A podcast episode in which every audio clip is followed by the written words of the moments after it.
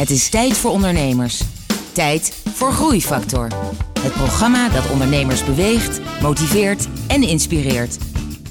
Hier is Kees de Jong, groeiondernemer en verbonden aan NL Groeit. Hoe een kleinschalig schoolproject kan uitgroeien tot een succesvolle onderneming. Hoe je een reclamebureau begint zonder dat je weet wat een reclamebureau doet. En wat er gebeurt als je kosten verdubbelen en je omzet halveert.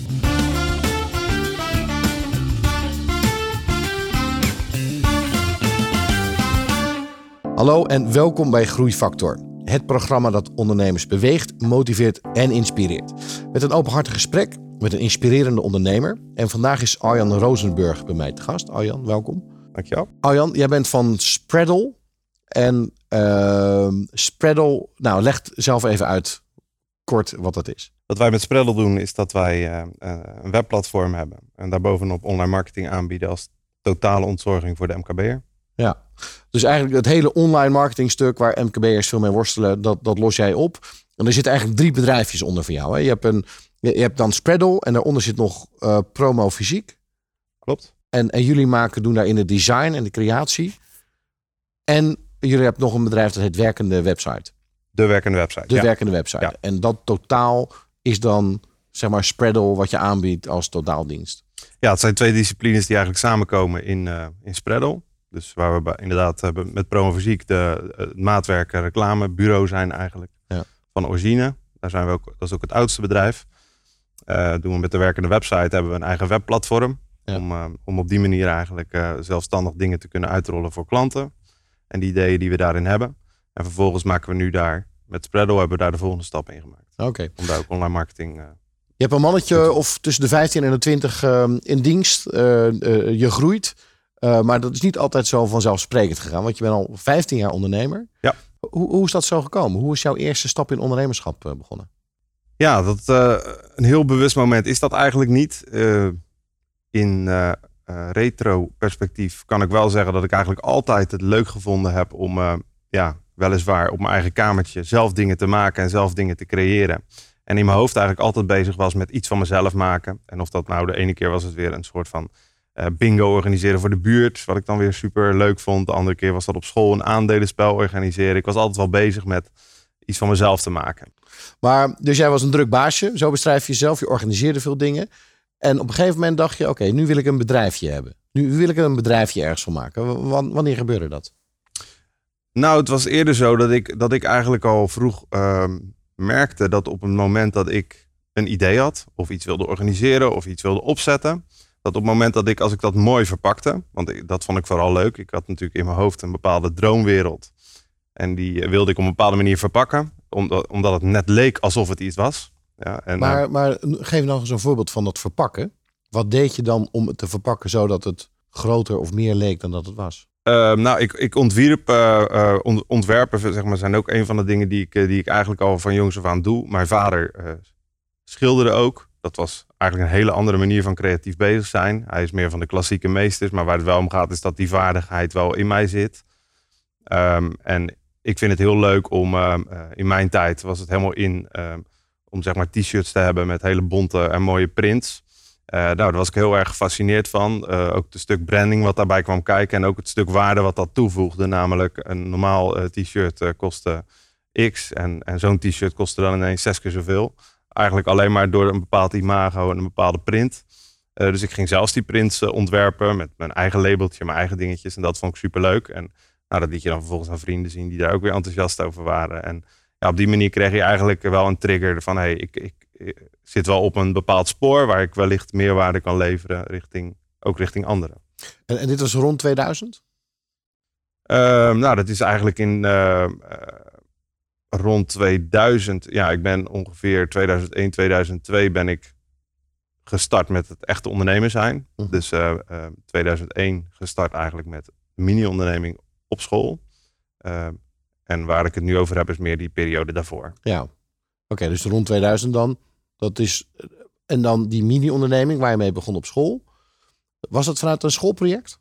Was dat vanuit dat jong ondernemen, dat, uh, die mini-onderneming? Ja, exact. Tegenwoordig heet dat studentenbedrijf. Um, het, is, het is zo dat mijn aanvliegroute om daar te komen ook wel um, ook wel goed is om even te noemen. Ik had dat jaar daarvoor een blinde darmontsteking gehad die finaal uh, ja, de verkeerde kant uit ontwikkelde. Om het zomaar even niet al te plastisch te zeggen. Waar het op neerkwam is dat ik eigenlijk een jaar uit de roulatie moest op school. En ik dus ter overbrugging een half jaar heb gewerkt bij een bedrijf. En dat was een hele grote plantenkwekerij. Het voordeel daarvan is dat ik, ik zat niet zozeer in de planten, maar veel meer op de op het kantoorstuk en mhm. eigenlijk een stukje sales voor, uh, voor de Nederlandse markt. Uh, betekent dat ik eigenlijk relatief jong op dat moment ook een bepaalde corporate ervaring meekreeg voor mezelf. Ja. Uh, het jaar... snapte hoe bedrijven van binnen echt werkten. Precies. En, en ik de uitdagingen zijn bij. Ja, en ik vond het ook super mooi om, om te zien hoe dat werkt. En vooral ook het IT-stuk, hoe dat door middel van automatisering eigenlijk compleet werd ontwikkeld. En ja, hoe eigenlijk vanuit een klein kamertje, een compleet kassencomplex werd aangestuurd om die planten naar de klant te krijgen. Um, ja, en ik ging ook steeds meer begrijpen waarom uh, ja, de, ene medewerker een bepaalde handeling moest doen, zodat de, andere medewerker weer verder kon. En al die processen vond ik eigenlijk uh, ja, vond ik heel interessant. Um, wat er dus voor zorgde dat ik een, een, een vrij brede scope had van, van, van een bedrijf. Um, ja, en dat, dat, vond ik, dat vond ik erg leuk. Dus ik kwam met veel ervaring het jaar later op school. Nou, ik stroomde dus in in een klas die normaal onder mij zat, waarbij ik dus eigenlijk niemand uh, kende. en ik hoorde dus dat er een project was, dat project mini-onderneming. maar dat was natuurlijk al beklonken. Want alle vriendjes uit die klas die hadden natuurlijk al een bedrijfje gemaakt. Maar ik wilde per definitie één ding, ik wilde daarbij. Dat was, en toen één meisje uit, uit de groep die zei van nou, stel dat er geen plek meer is, dan ruil ik in jouw plaats. Dus was ik super blij mee. En ja, zo. Uh, dat ben je later mee getrouwd. Dat, nee, net niet. Net niet. Maar het is wel zo dat dat uiteindelijk ook niet nodig was. En dat we uiteindelijk met een club van twaalf studenten aan dat uh, avontuurtje zijn begonnen. Oké. En, en toen kwam je tot het inzicht van wow, dit is helemaal iets voor mij. Met jouw ervaringen van dat je al bij een echt bedrijf had gewerkt. Wat, wat al heel bijzonder is. De meeste mensen gewoon op school zitten en geen flauw idee hebben wat zich daar buiten afspeelt. Toen dacht jij, oké, ik wil ondernemer worden. Uh, nou, wat ik sowieso heel mooi vond, is dat ik, uh, ik, had, ik had erg veel zin om aan de slag te gaan. Ja. En dat komt natuurlijk omdat, omdat de praktijkervaring uh, nog vers in je aderen zit. Ik had gewoon zin om, ja, om, iets, om iets te doen. En ehm, ik had ook een, een tijd, door, door, door het ziek zijn, ook een tijd naar het plafond liggen staren. Dus ik had, was mentaal ook best wel de aardig kapot, kwam ik er redelijk kapot uit. Ja. Dus ja, ik had best wel veel adrenaline om weer het leven te leven zeg maar. En um, nou ja, ik had de behoefte om iets, uh, iets daarin uh, te creëren. Ik wilde gewoon die energie ook, ook, uh, ook kwijt. En dit was naar mijn idee gewoon een super unieke kans. Ja. de school op dat moment, het Horenbeek College in Rotterdam, startte het eerste jaar met dit, met dit pro project. Dus we hadden niet echt een referentie wat we ervan zouden kunnen verwachten. Um, maar wat ik, wat ik wel heel, heel leuk vond, is nou, dat de kans zich voordeed om daarbij te zitten. En uh, nou, vervolgens zaten we dus als twaalf broekies uh, uh, elkaar aan te kijken. Hoe gaan we dit aanvliegen? Wat deden jullie precies met die mini-onderneming? Ja, dat was voor ons als twaalf studenten ook de vraag. En wat je toen merkte is dat ik, ik had heel erg de behoefte om iets te creëren, iets creatiefs. En de rest van de club niet. Dat was ook erg leuk. Want ik zat op een economische opleiding. En het is logisch dat op de economische opleiding nou niet per se de meest creatieve mensen aan de slag zijn. Nee. Ehm, dus we hebben een soort van mix daar, daartussen gevonden. En op dat moment uh, uh, hebben wij uh, gekozen om nou, toch in de, in de traditie van de economische opleiding een handelsonderneming op te zetten. En wat wij maakten is, wij bedrukten keramiek en glaswerk voor bedrijven. en dat deden eigenlijk in twee stromen. Uh, we hadden zeg maar de reguliere business, zoals we dat noemden. Dat waren gewoon de klanten die 250 glazen met hun logo wilden. Mhm. En daarnaast hadden we projectmatige uh, business. En het mooie was, wij, wij uh, hadden de mini-onderneming in de periode dat Willem, Alexander en Maxima trouwden. En een van de projecten die wij toen gedaan hebben, is dat we op basis van een gekochte afbeelding vervolgens ja, de glazen hebben laten maken. en in veel vooral christelijke milieus is het heel erg uh, ja, traditie dat op het moment dat dat soort happeningen gebeuren, Dat je cadeaus, aandenken dat je een aandenken krijgt, inderdaad. Blauw bloed, eh, zeg maar, van, eh, Precies. van EO. eh, ja. Ja, een beetje, een beetje dat, dat gevoel en dat idee. Dus wij hadden alle ehm, eh, gemeentes en scholen aangeschreven om dit unieke product natuurlijk te kopen. En uiteindelijk hebben we door het hele land 15.000 van die gekke glazen uitgeleverd. En dat was voor ons natuurlijk een spannende happening. En toen besloten jullie, jij en je Marines, van oké, nou dit werkt, we gaan nu een echt bedrijf beginnen. Tenminste, los vanuit het, eh, het mini-onderneming project. Nou, in eerste instantie is het zo dat je merkt dat binnen het team ehm, er ieder op zijn eigen manier met zo'n project omgaat. Marines en ik namen het sowieso vanaf het begin af aan super serieus. Ons leven hing er een soort van af. Wij hadden echt alle twee het idee van, hey, wij kunnen top samenwerken. We hebben samen goede ideeën. Ik ben veel meer de creatieve piloot. Zoals ik mezelf eigenlijk nog steeds noem binnen de organisatie. Terwijl hij eigenlijk, eigenlijk mijn tegenpol is op het gebied van ratio, op het gebied van onderbouwing. Eh, dat vind ik super prettig en, en hij ook. Ehm, ja, vervolgens, ehm, eh, omdat je zo gepassioneerd eh, over bent, ben je natuurlijk ook overal en zien andere mensen dat ook. En zo is het gebeurd dat op een open dag van onze school, wij ook weer op een vrije zaterdag daar natuurlijk weer actief waren. Ik met iemand in gesprek eh, ben, ge, eh, eh, ben gekomen die zei van, joh, leuk, hoe, hoe werkt het project en wat hebben jullie zo al bedacht en gedaan? En nou wie heeft dat logo gemaakt? En ik vertelde dat ik dat, dat, ik dat had. Nou ja, ik werd dus opgemerkt door, door die man. En die man zei, joh, heb je er wel eens over nagedacht om na dit project ook echt voor jezelf te gaan beginnen? Nou, ik zeg, daar heb ik wel eens over nagedacht. Maar ik zeg, ik zou niet weten hoe en ook niet met wie. En ook niet wat per se. Hij zegt, nou, anders begin je toch rustig aan. Dan begin je één dag in de week. En dan ga je de andere vier dagen eh, ga je bij mij werken. En ehm, nou ja, ik zei toen tegen Marines eh, van, joh, ehm, ik heb net die en die meneer gesproken. Dat was superleuk. Maar Marines wilde eigenlijk altijd gaan studeren. Uh, maar die had zoiets, ja, als ik op één dag in de week uh, basis iets met jou samen kan doorzetten, is dat wel heel erg leuk. Er waren er aanvankelijk nog twee medestudenten die ook mee wilden. Dus we waren eigenlijk helemaal in het begin met, met de, waren er vier enthousiaste mensen. En die stille vennoot.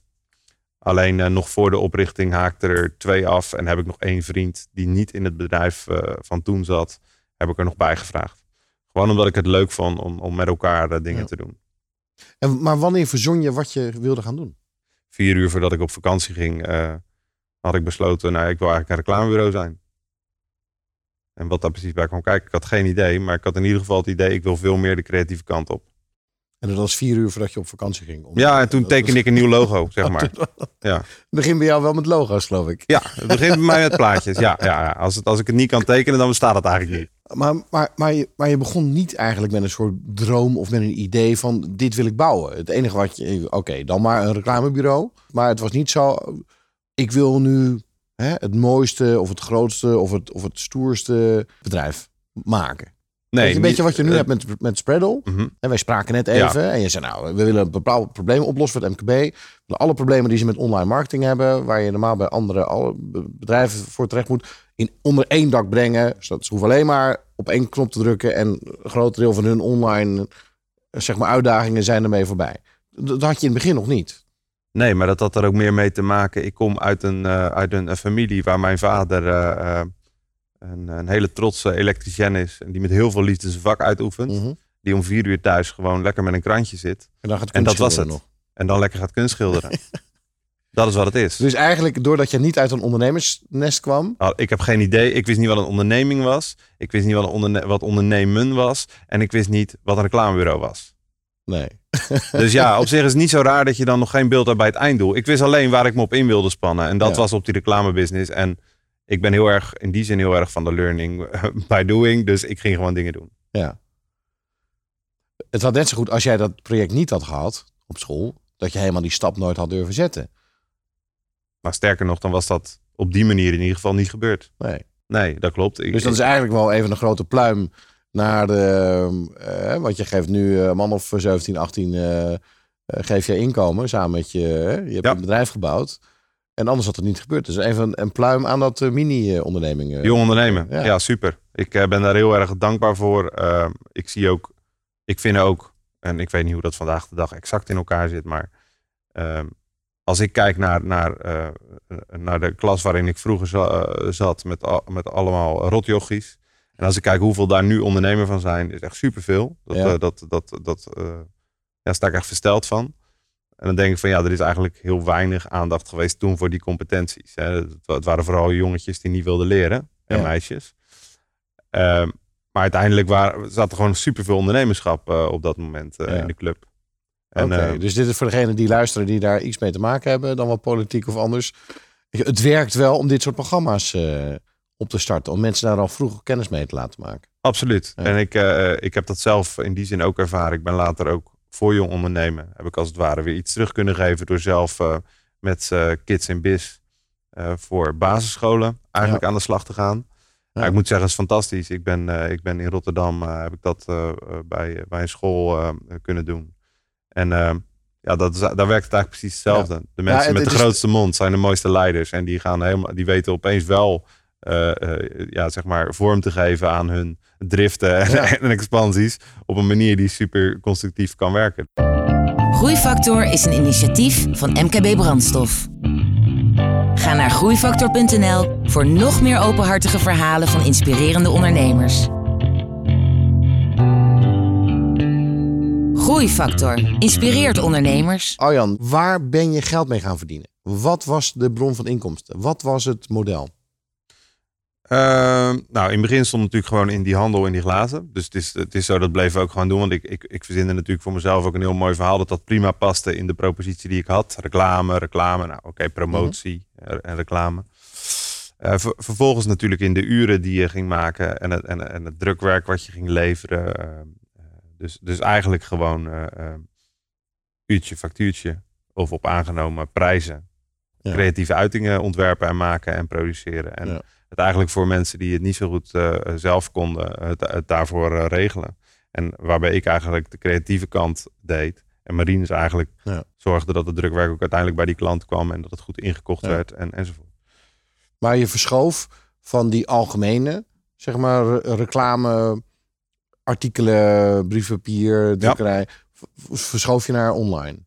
Ja, op dat moment eh, had online er wel al een heel groot interessegebied. Alleen voor de beeldvorming. Ik wist op dat moment dus niet wat een reclamebureau precies was. Ik wist, dus ik was ook nog volop in de uitvindersfase voor mezelf. Ja. Ehm, ook qua vaardigheden. Ik heb, ik heb denk ik een jaar lang niet kunnen maken wat ik in mijn hoofd had. Omdat ik gewoon de vaardigheden niet eh, genoeg beheerste om dat ook te kunnen. Ja. Dus eh, ik, heb, ik heb vanuit die beperking eh, eigenlijk altijd Ja. prima mijn ding kunnen doen voor de klant. Maar Klinkt voor mezelf niet. Klinkt wel een beetje als een rommelig begin van je bedrijf. Ja, maar dat is het ook. ja. Nou, rommelig in de zin van, kijk, nogmaals, je weet niet wat je niet weet. Dus ik, Ja. had, ik had niet het idee dat het, eh, voor mij was het niet per se rommelig.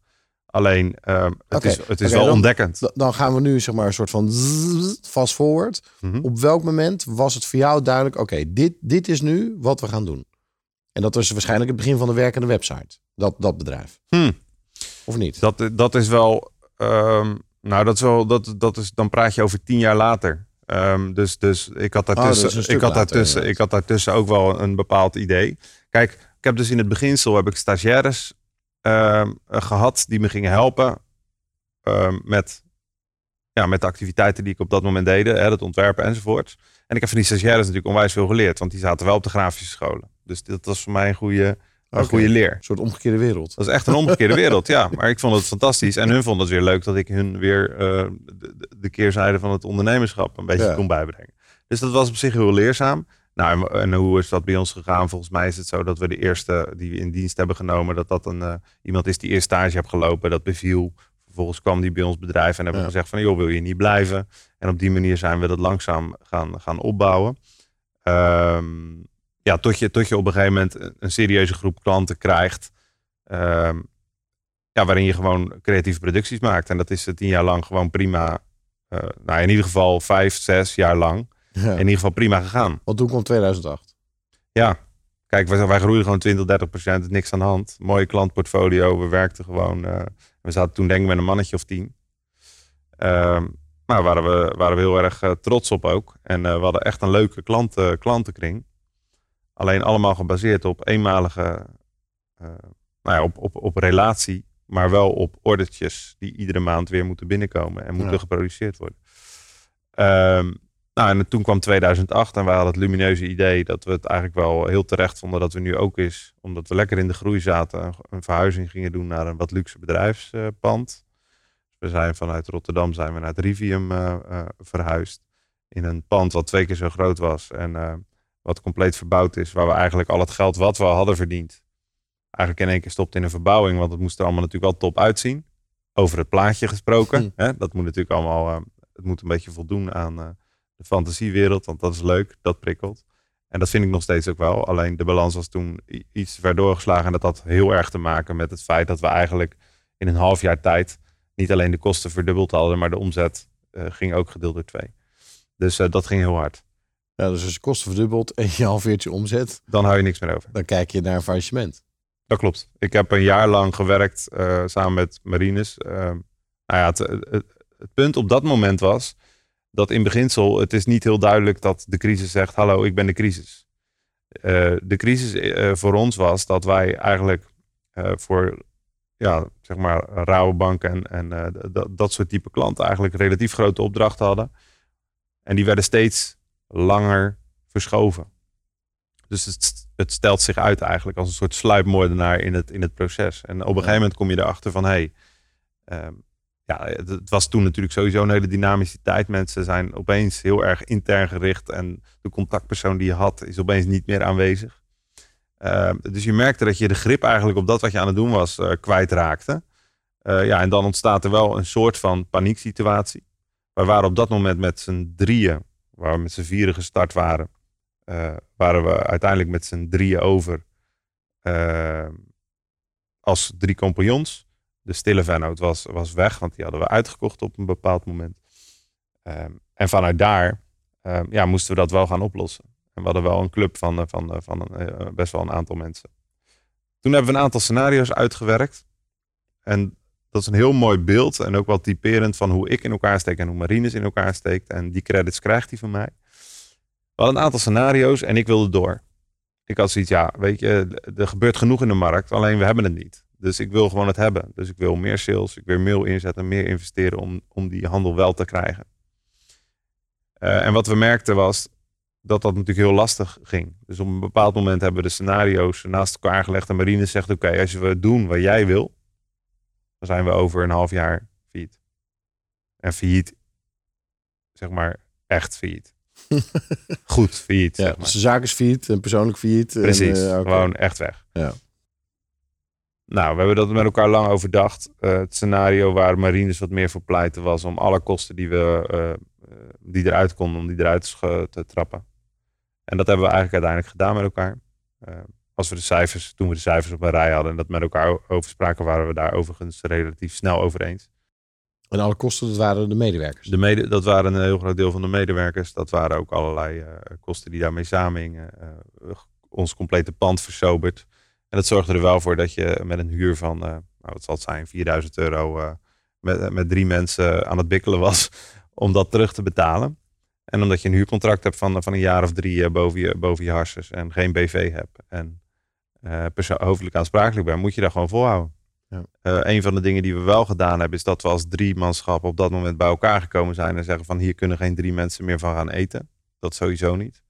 Op dat moment had ik een compagnon uh, die vooral met de commercie bezig was. En die was natuurlijk uitgeput door de markt en door de situatie. Ja.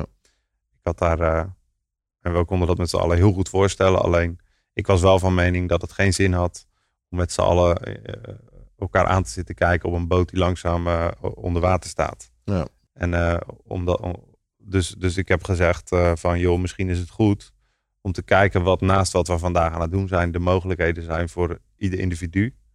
En op die manier kon mijn uh, toenmalige compagnon ergens aan de slag.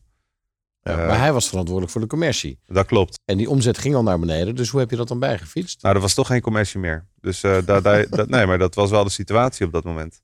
En ehm, dat heeft alleen maar zin als je ergens verantwoordelijk voor bent. Heeft alleen maar zin als, als, als er ook wat gebeurt. Ja. Um, en het punt is, verantwoordelijk voor. Dat, dat is totaal geen garantie dat er ook maar iets gebeurt. Dus ik als ondernemer op dat moment zeker met die cijfers en dat scenario in mijn achterhoofd. Um, ja, wat hebben we nog überhaupt? Hè? Dus, dus uh, ik, ik, je moet, je moet eigenlijk... dat had je. Ja, ja. een verplichting. En, Ja. eh, en, en, en natuurlijk een morele verplichting naar jezelf en naar elkaar. En Ja. je ging natuurlijk ook voor de buitenwacht in één keer van tien redelijk succesvol bedrijf. Hè? En, eh, voor de buitenwacht altijd groeit lekker door. Verhuizen naar, naar een mooie locatie. Ja, we hebben in één keer de stoute schoenen aangetrokken en gezegd van oké, we, we moeten en we gaan het ook echt anders doen. Want eigenlijk precies op het moment dat je, hè, dat je nieuwe eh, pand klaar was en eh, Ja. uitstraling, je Ja. was on top of the world, Klopt. was het eigenlijk gewoon precies tegenovergesteld. Jullie zaten in het, op het, in het, eigenlijk het putje, diepste punt eh, Ja, van je Dat ondernemers. klopt. eh. We waren op dat moment al het mooiste kantoor en het laagste resultaat. Ja. Ja. Wanneer merkte je weer dat het weer beter ging? Wanneer dacht je, oké, we, we zijn gered, we, we gaan het weer maken. En, en wat was daar uiteindelijk de belangrijkste groeifactor achter? Een van de dingen eh, die voor mij belangrijk waren is, ik was, eh, ik was langer eh, bevriend met mijn huidige derde compagnon. En eh, een jongen die komt, die komt echt uit een handelswereld, had altijd geld verdiend, maar bouwde eigenlijk nooit een bedrijf op. En ik was heel erg bevriend met hem en hij vond het altijd super leuk om te horen hoe ik bezig was met iets te bouwen. Hè, zoals ik dat mijn hele leven al doe. Met, en ik was natuurlijk gefascineerd dat hij altijd geld verdiende.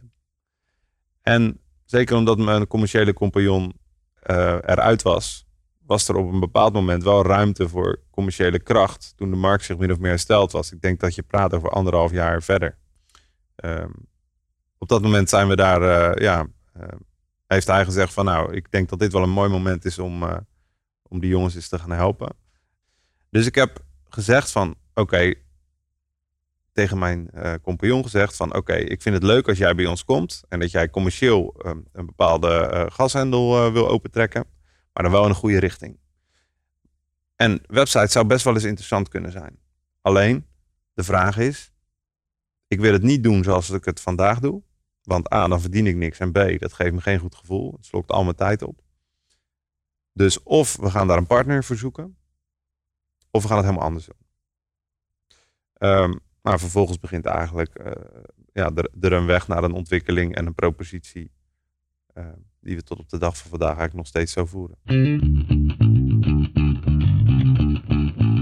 Beschrijf de afgelopen zeven jaar eens. Uiteindelijk was het idee dat we zeggen van als we een website als oplossing op topniveau willen houden voor onze klanten, dan zal daar permanent we- eh, aan gewerkt moeten worden.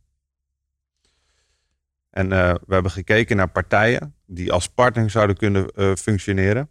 Ehm, nou, en mijn ervaring is dat partnership eigenlijk alleen maar werkt op het moment dat er ook een bepaalde noodzaak is bij, ehm, ehm, ja, bij de klant om mijn product in partnership ook echt te gaan verkopen. Mhm. En een van de partijen die daar heel vaak tegenaan liepen, waren de mensen die dus AdWords verkopen aan bedrijven. Ja. En er vervolgens tegenaan lopen dat de website, die ah, moet daar wel goed voor zijn. Ja, en dat was dus niet het geval. Dus wij hadden gezegd van nou stel dat je daar nou tegenaan loopt, neem dan ons foldertje mee en verkoop voor ons die website. Oké. Dat was eigenlijk het moment dat we eh, in ieder geval dat gesprek met hem hadden gevoerd in een eerder stadium. En we praten nu over drie jaar eerder. Drie jaar later hadden wij nog steeds een goede indruk over dat bedrijf. Het is een super enthousiaste eh Brabants ondernemer. Ehm, ja, die heel erg, ons, ons heel erg aansprak in zijn manier van ondernemen. Hij had ook echt een bedrijf opgebouwd eh, van, van, van, eh, van tientallen mensen. Ehm, ja, dat we dachten van nou, ik denk wel eh, dat hij daar wat zinnigs over kan zeggen. Dus ja, het was eigenlijk oriënterend begonnen en gewoon gezellig weer eens een bakje doen. En ik vertelde wat wij gedaan hadden de afgelopen tijd en hoe we die standaardisatie st- in stappen voor elkaar hadden. En hij was super gecharmeerd van, eh, van het feit dat, eh, dat wij in staat zijn de MKB-markt op deze manier te bedienen met een product waar de MKB'er blij van wordt. Eh, ja, wij er wat aan verdienen. Ja. En gestandaardiseerd en gecentraliseerd op die manier schaalbaar is. Ja. En de kritische massa eigenlijk al in de pocket zit. Dus hij had zoiets van, joh, is het geen idee om dezelfde principes die jullie hiervoor hebben bedacht, om die ook toe te passen op het gebied van online marketing? Ehm, ja, en kunnen we dat misschien niet samen in één bedrijf doen, zodat ik ook mijn effort erin kan steken om vervolgens die schaalbaarheid ook. eh, En dat ga je doen met Spreadle. Dat is en het- dat zijn we nu aan het doen met Spreadle. dus, dus mijn vraag van waarom ben je niet tien keer zo groot? Dat is precies wat je nu aan het Dat is doen bent. precies wat we nu gaan doen. Ah, oké. Exact. En, dan, en dan waar eindigt het dan? Wat, wat voor bedrijf ben je dan over een paar jaar? Ehm, nou, dat kan, een aantal, dat kan natuurlijk een aantal kanten op. Ik heb, eh, ja, ik heb ook minder absolute verwachtingen over waar ik per se wil staan. Eh, maar ik heb wel hele, ehm, een hele duidelijk idee over hoe ik aan de slag wil en wat ik wil doen. En wat ik wil doen is dat ik die MKB-markt gewoon eh, in die zin wil helpen. En ook helpen veranderen. Om van niks op het gebied van online op een goede en succesvolle manier aan de slag te kunnen. Ja. En dat is gewoon super moeilijk. En dat is wel waar, waar ik de komende tijd met Spreadle. En Spreadle is daar echt een unieke propositie in. In die zin dat ehm, ja, je merkt gewoon dat er heel weinig oplossingen zijn waar heel veel werk bij komt kijken. En bij Spreadle vertellen we het verhaal van de, van de ondernemer. Dat is eigenlijk mijn eigen verhaal. Eh, ondernemers zijn altijd heel ge- gepassioneerd over wat ze doen. Alleen hebben geen tijd om dat vervolgens eh, op een digitale manier te vertellen. En wat wij proberen met Spreadle is juist op die manier aan de slag te gaan. Door heel dicht bij die ondernemer te blijven. En dat vind ik ook het leukste. Ik heb geen zin om naar grafiekjes te zitten staren die vertellen dat ik winst maak. En in de kassa merk ik daar niks van. Ik wil gewoon bezig zijn met relevante dingen voor die onderneming. Ehm, ja, dat, dat is waar ik vooral bezig wil zijn. Dat wil ik op een ontspannen manier. En die ontspannen manier zorgt er ook voor dat je eh, keuzes kan maken in eh, de dingen die je wel wil doen en de dingen die je niet kan doen. En ik laat me in die zin ook niet gek maken door in dit geval een grotere partij die eh sales technisch misschien allerlei supergrote ambities heeft, want die zijn er. Ja. Maar ik vind de kwaliteit van de dienstverlening, hoe we daarmee aan de slag gaan, het is gewoon niet makkelijk. Dus we nemen ook gewoon de tijd om dat goed te implementeren.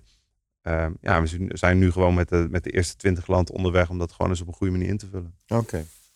Hey, als je nou terugkijkt naar je afgelopen 15 jaar ondernemerschap, wat, wat vind jij als jouw grootste lessen en inzichten?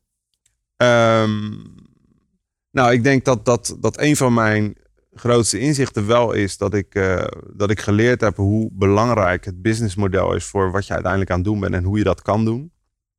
Ehm, waarin ik eerst iedere maand onzekerheid had en, en, en, en weinig ontspanning had over eh, eh, ja, dat wat ik aan het doen was. Merk je nu gewoon dat, dat, dat je heel ontspannen eh, je werk aan het doen bent. En dat zorgt er ook gewoon voor dat je de juiste dingen en de juiste mensen daar ook weer bij aantrekt. Dus het creëert eigenlijk een comfort. ehm, ja, wat je ook niet zomaar uit handen moet geven, vind ik. Dus er is absoluut een hele grote ambitie, maar niet ten koste van dat comfort.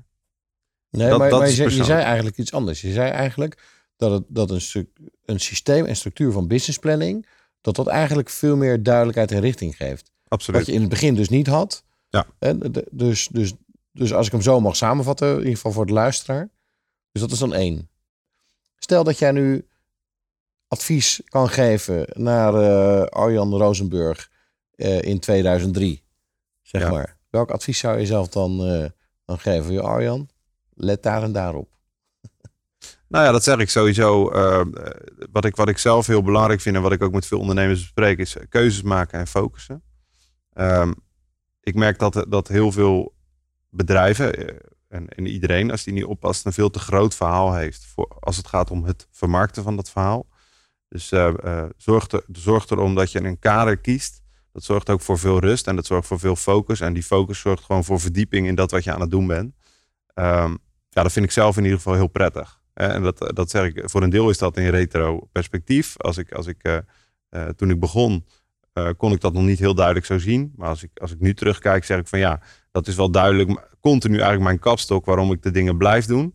En het tweede is natuurlijk dat je, dat je ehm, ja, moet proberen zo goed mogelijk door te zetten en vaart te maken in dat wat je wil doen. En nogmaals, dus jij schetst een wereld, een, een droombeeld, als ik het zo mag noemen, waar je mensen gewoon qua energie en ambitie op wil laten aanhaken. Absoluut. Ja, maar dat is denk ik wel een hele mooie laatste, zeg maar, inzicht eh, of leerpunt. Ja, ik heb er heel veel plezier in en ik blijf dat nog eh, hopelijk heel lang doen.